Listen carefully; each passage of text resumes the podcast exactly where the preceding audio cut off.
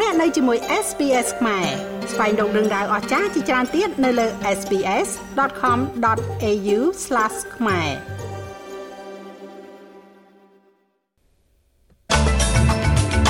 លោកនាយករដ្ឋមន្ត្រី Anthony Albanese និយាយថារដ្ឋាភិបាលកំពុងសន្យាថានឹងអនុវត្តការកាត់បន្ថយពន្ធដំណាក់កាលទី3ការប្រមានដាស់តឿនដល់ឪពុកម្ដាយក្រោយមានការកើនឡើងការគម្រាមកំហែងរូបភាពអាហារភាសកុមារ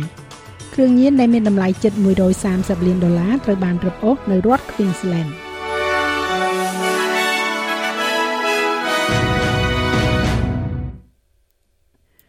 លោកនាយករដ្ឋមន្ត្រី Anthony Albanese មាន ប្រសាសន៍ថារដ្ឋាភិបាលកំពុងសន្យាថានឹងអនុវត្តការកាត់បន្ថយពន្ធដំណាក់កាលទី3របស់ខ្លួន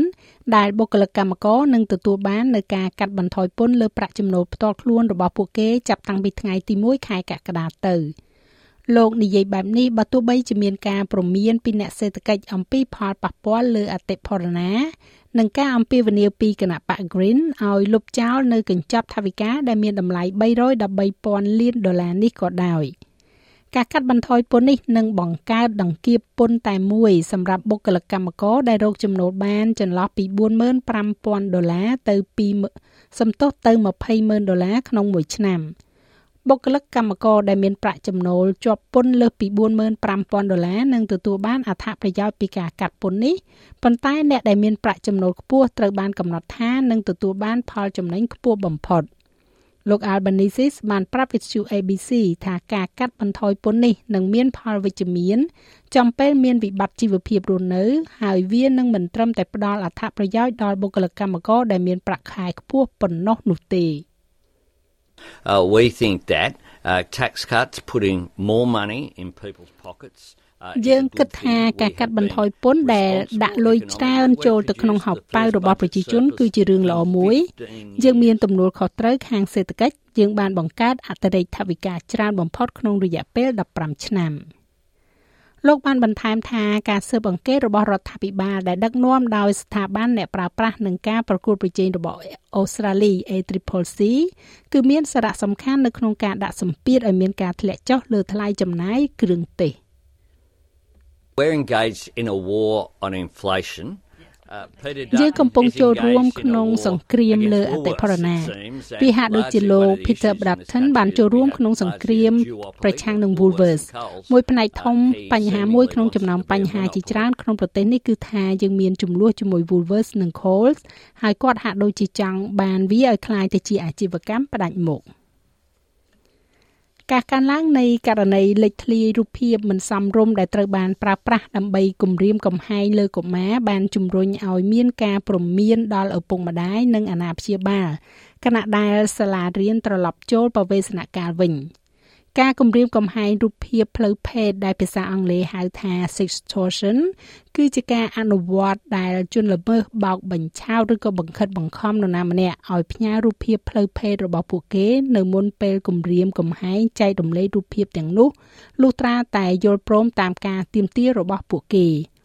ករណីហេតុការណ៍ទាំងនេះកំពុងកើនឡើង ហើយប៉ូលីសសហព័ន្ធអូស្ត្រាលីកំពុងព្រមានអំពីផលប៉ះពាល់ដ៏មហន្តរាយនិងតានតឹងយ៉ាងខ្លាំងចំពោះអ្នកដែលត្រូវបានគេកំណត់គោលដៅការទៀមទាទាំងនោះអាចរាប់ចាប់ពីការសម្លុតទារប្រាក់រហូតដល់ការទៀមទារោគមេតិកាក្រាហ្វិកបន្ថែមឬសូម្បីតែការធ្វើសកម្មភាពផ្លូវភេទយោងតាមទិន្នន័យចុងក្រោយបំផុតពីមជ្ឈមណ្ឌលអូស្ត្រាលីដែលដឹកនាំដោយ AFP បានឲ្យដឹងថាប្រមាណជា300ករណីនៃកុមារដែលធ្លាក់ខ្លួនជាជនរងគ្រោះដោយសារការបៀតបៀនផ្លូវភេទ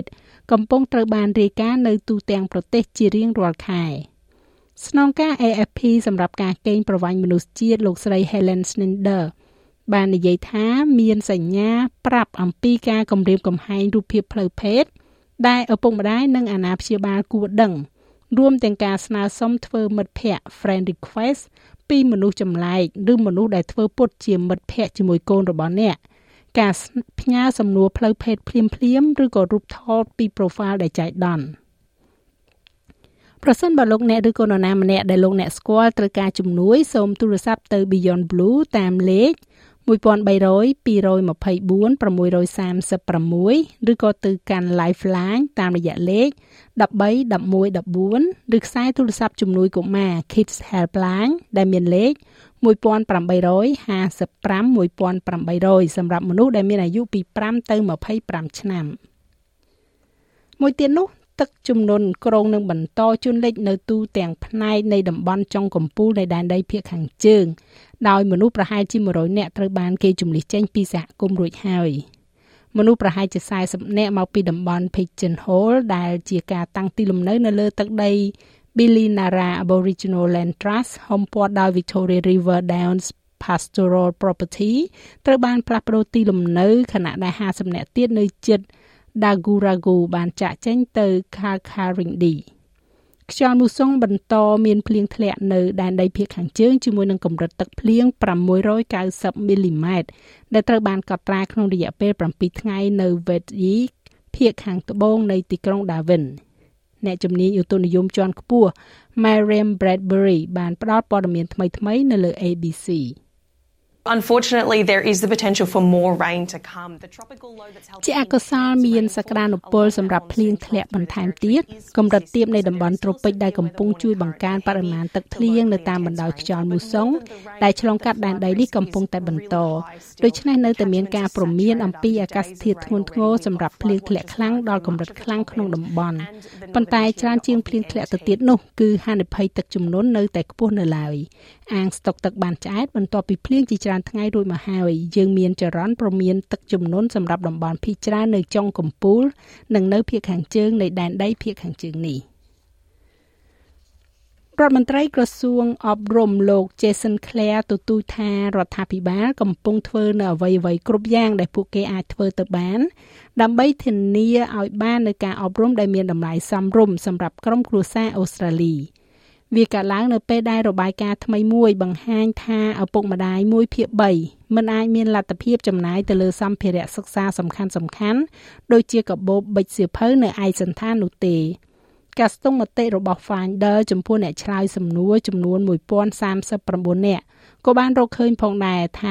11%នៅឪពុកម្ដាយបានសារភាពថា ពួកគេកំពុងត្រូវជំពាក់បំណុលដើម្បីចំណាយលើសម្ភារៈឲ្យកូនកូនវិលចូលសាលារៀនវិញពេលបវេសនកាលនេះលោក Claire បានប្រាប់កម្មវិធី Sunrise របស់ទូរទស្សន៍ប៉ុលេខ7ថាការផ្ដល់មូលនិធិសម្រាប់សាលារៀនរដ្ឋគឺជាចម្លើយដើម្បីកាត់បន្ថយការចំណាយសម្រាប់ឪពុកម្ដាយខណៈដែលថ្លៃសាលារៀនឯកជនឬក៏សាលារៀនឯករាជ្យគឺជាការចំណាយដ៏ធំបំផុតមួយ The the big important things that we need to do this year is make sure that we fund រឿងសំខាន់ដែលយើងត្រូវធ្វើនៅឆ្នាំនេះគឺធ្វើឲ្យប្រកាសថាយើងផ្ដល់មូលនិធិដល់សាលារៀនរដ្ឋរបស់យើងឲ្យបានត្រឹមត្រូវដើម្បីប្រកាសថាពួកគេមានធនធានដែលពួកគេត្រូវការដើម្បីជួយកុមារដែលរៀនមិនទាន់ឲ្យតាមទាន់គេប្រឹងប្រែងបន្តនិងរៀនឲ្យចប់ដូច្នេះនោះសម្រាប់ឪពុកម្ដាយជាច្រើនដែលការអប់រំនៅសាលារៀនរដ្ឋគឺជាជំរើសដំបូងរបស់ពួកគេដូច្នេះវានឹងជួយដល់ការចំណាយប៉ុន្តែក៏ត្រូវប្រកាសថាកូនកូនរបស់ពួកគេទទួលបាននូវការអប់រំដែលពួកគេសមនឹងទទួលបានគ្រឿងញៀនដែលមានតម្លៃជិត130លានដុល្លារត្រូវបានរឹបអូសបន្ទាប់ពីប៉ូលីសបានកំណត់គោលដៅទៅលើបណ្ដាញក្រុមអន្តរជាតិធំធំនៅភាគអាគ្នេយ៍នៃរដ្ឋ Queensland ក្នុងប្រតិបត្តិការរយៈពេល1ឆ្នាំមន្ទីរពិសោធន៍គ្រឿងញៀនចំនួន4ត្រូវបានរុះរើហើយមនុស្ស44នាក់ត្រូវបានចាប់ខ្លួន ទៅលើការចោទប្រកាន់ចំនួន241បទចោទប្រកាន់បន្ទាប់ពីប្រតិបត្តិការនេះបានចាប់ផ្ដើមឡើងក្នុងខែធ្នូឆ្នាំ2022ប៉ូលីសបាននិយាយថាដោយការស្វែងរកសរុបចំនួន43ត្រូវបានប្រតិបត្តិពីពេញទីក្រុង Brisbane តំបន់ Logan និង Ipswich ដោយរឹបអូសបានថ្នាំញៀនចំនួន129លានដុល្លារវត្ថុតាងដែលរឹបអូសយកបាននេះរួមមានមេតាំហ្វេតាមីន119គីឡូក្រាម កូកាអ៊ីន2.4គីឡូក្រាម កញ្ឆា231គីឡូក្រាម និង MDMA 600ក្រាមប៉ូលីសបាននិយាយទៀតថាទំនងជាមានការចាប់ខ្លួនកាន់តែច្រើនឡើងនៅក្នុងព័ត៌មានអន្តរជាតិវិញសហរដ្ឋអាមេរិកបានជំរុញឲ្យមានការអត់ធ្មត់ទៅលើគ្រប់ភាគីខណៈដែលភាពតានតឹងរវាងប៉ាគីស្ថាននិងអ៊ីរ៉ង់កាន់តែតានតឹងឡើង។ ប៉ាគីស្ថានបានបើកការវាយប្រហារទៅលើក្រុមសកម្មប្រយុទ្ធផ្ដាច់ខ្លួន នៅខាងក្នុងប្រទេសអ៊ីរ៉ង់ក្នុងការវាយប្រហារសងសឹក2ថ្ងៃ បន្ទាប់ពីទីក្រុងតេអ៊ីរ៉ង់បាននិយាយថាខ្លួនបានវាយប្រហារមូលដ្ឋានរបស់ក្រុមមួយផ្សេងទៀតក្នុងទឹកដីប៉ាគីស្ថានអ្នកនាំពាក្យក្រសួងការបរទេសលោក Matthew Miller បាននិយាយថាសេចក្តីថ្លែងការណ៍របស់ប៉ាគីស្ថានអំពីសារៈសំខាន់នៃទំនាក់ទំនងសហប្រតិបត្តិការជាមួយនឹងប្រទេសជិតខាងមានផលិតភាពនិងមានប្រយោជន៍។ We are concerned about escalating tensions in the region. It's been something as you know we've spoken យើងព្រួយបារម្ភអំពីការឡើងនៃភាពតានតឹងនៅក្នុងតំបន់វាជាអ្វីមួយដោយដែលអ្នកដឹងយើងបាននិយាយជាច្រើនដងហើយវាជាអ្វីដែលយើងបានផ្ដោតទៅលើខ្ញុំនឹងនិយាយថាយើងបានកត់សម្គាល់មតិយោបល់របស់រដ្ឋាភិបាលប៉ាគីស្ថានអំពីសារៈសំខាន់នៃទំនាក់ទំនងកិច្ចសហប្រតិបត្តិការរវាងប៉ាគីស្ថាននិងប្រទេសជិតខាងយើងបានគិតថាវាមានផលិតភាពនិងមានប្រយោជន៍ នៅឯប្រទេសកម្ពុជាវិញលោកសសុខារដ្ឋមន្ត្រីក្រសួងមហាផ្ទៃបានសម្រេចបណ្ដេញមន្ត្រីពន្ធនាគារ5នាក់ចេញពីក្របខ័ណ្ឌនគរបាលក្រសួងមហាផ្ទៃក្រោយរកឃើញថាមន្ត្រីទាំងនោះជាប់ពាក់ព័ន្ធទៅនឹងការប្រើប្រាស់គ្រឿងញៀន។ នៅក្នុងសេចក្តីប្រកាសចេញផ្សាយថ្ងៃទី18ខែមករាមន្ត្រីពន្ធនាគារដែលត្រូវបានលុបឈ្មោះចេញពីក្របខ័ណ្ឌមន្ត្រីរាជការក្រសួងមហាផ្ទៃទាំង5នាក់នេះមានមន្ត្រីបម្រើការងារនៅពន្ធនាគារនៃមណ្ឌលអប់រំកែប្រែទី1ក្នុងរាជធានីភ្នំពេញមន្ត្រីពន្ធនាគារខេត្តកណ្ដាលនិងមន្ត្រីពន្ធនាគារខេត្តបន្ទាយមានជ័យ។ ចាស់ឲ្យលោកមេងផល្លានឹងជួនសេចក្តីរាយការណ៍លម្អិតនៅវគ្គក្រោយជាបន្តទៀតឬក៏លោកអ្នកអាចចូលស្ដាប់នៅរបាយការណ៍លើគេហទំព័រ sps.com.au/ ខ្មែរ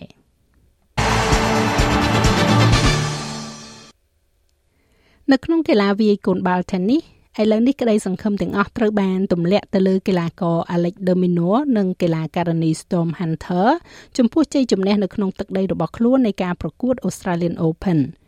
បន្ទាប់ពីការចាក់ចែងកាលពីយប់ថ្ងៃប្រហ័សរបស់ Thanasi Kokkinakis កីឡាករ The Minor គឺជាកីឡាករជនជាតិអូស្ត្រាលីចុងក្រោយគេដែលនៅសល់ក្នុងការប្រកួតបុរសទល់ខណៈដែលនាង Storm Hunter គឺជាកីឡាការិនីអូស្ត្រាលីតែម្នាក់គត់ដូចគ្នាដែរដែលនៅសល់កីឡាករលំដាប់លេខ10ពិភពលោក Deminor នឹងអាចផ្គូផ្គងការប្រកួត Open ដ៏ល្អបំផុតពីមុនមុនរបស់ខ្លួនដែលធ្លាប់ចូលដល់ជុំទី2នៅក្នុងរយៈពេល2ឆ្នាំចុងក្រោយនេះប្រសិនបើអាចយកឈ្នះការប្រកួតជាមួយនឹងកីឡាករអ៊ីតាលី Flavio Cobolli នៅយប់ថ្ងៃសុក្រនេះហើយតារាវាយកូនបាល់ tennis លំដាប់លេខ1ពិភពលោករបស់អូស្ត្រាលី នាង Storm Hunter នឹងចូលប្រកួតជុំទី3ជាមួយនឹងអតីតម្ចាស់ជើងឯក French Open របស់សាធារណរដ្ឋឆែក Barbara Rychikova នៅយប់នេះដូចគ្នាដែរចំណែកឯអត្រាប្តូរប្រាក់វិញ1ដុល្លារអូស្ត្រាលីមានតម្លៃប្រមាណជា65សេន8ដុល្លារអាមេរិកត្រូវនឹង2680រៀលប្រាក់រៀលខ្មែរ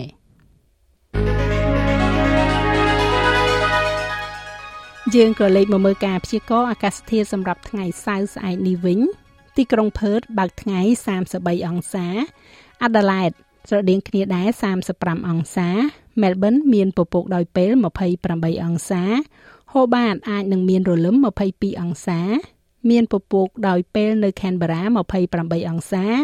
ហើយដូចគ្នានៅ Sydney 28អង្សា នៅ Brisbane រលឹមបន្តិចបន្តួច30អង្សាទីក្រុង Cairns រលឹម32អង្សា នៅ Darwin រលឹមអាចនឹងមានព្យុះ32អង្សា និងនៅទីក្រុងភ្នំពេញ បើកថ្ងៃតែមានពពកម្ដងម្កាល32អង្សា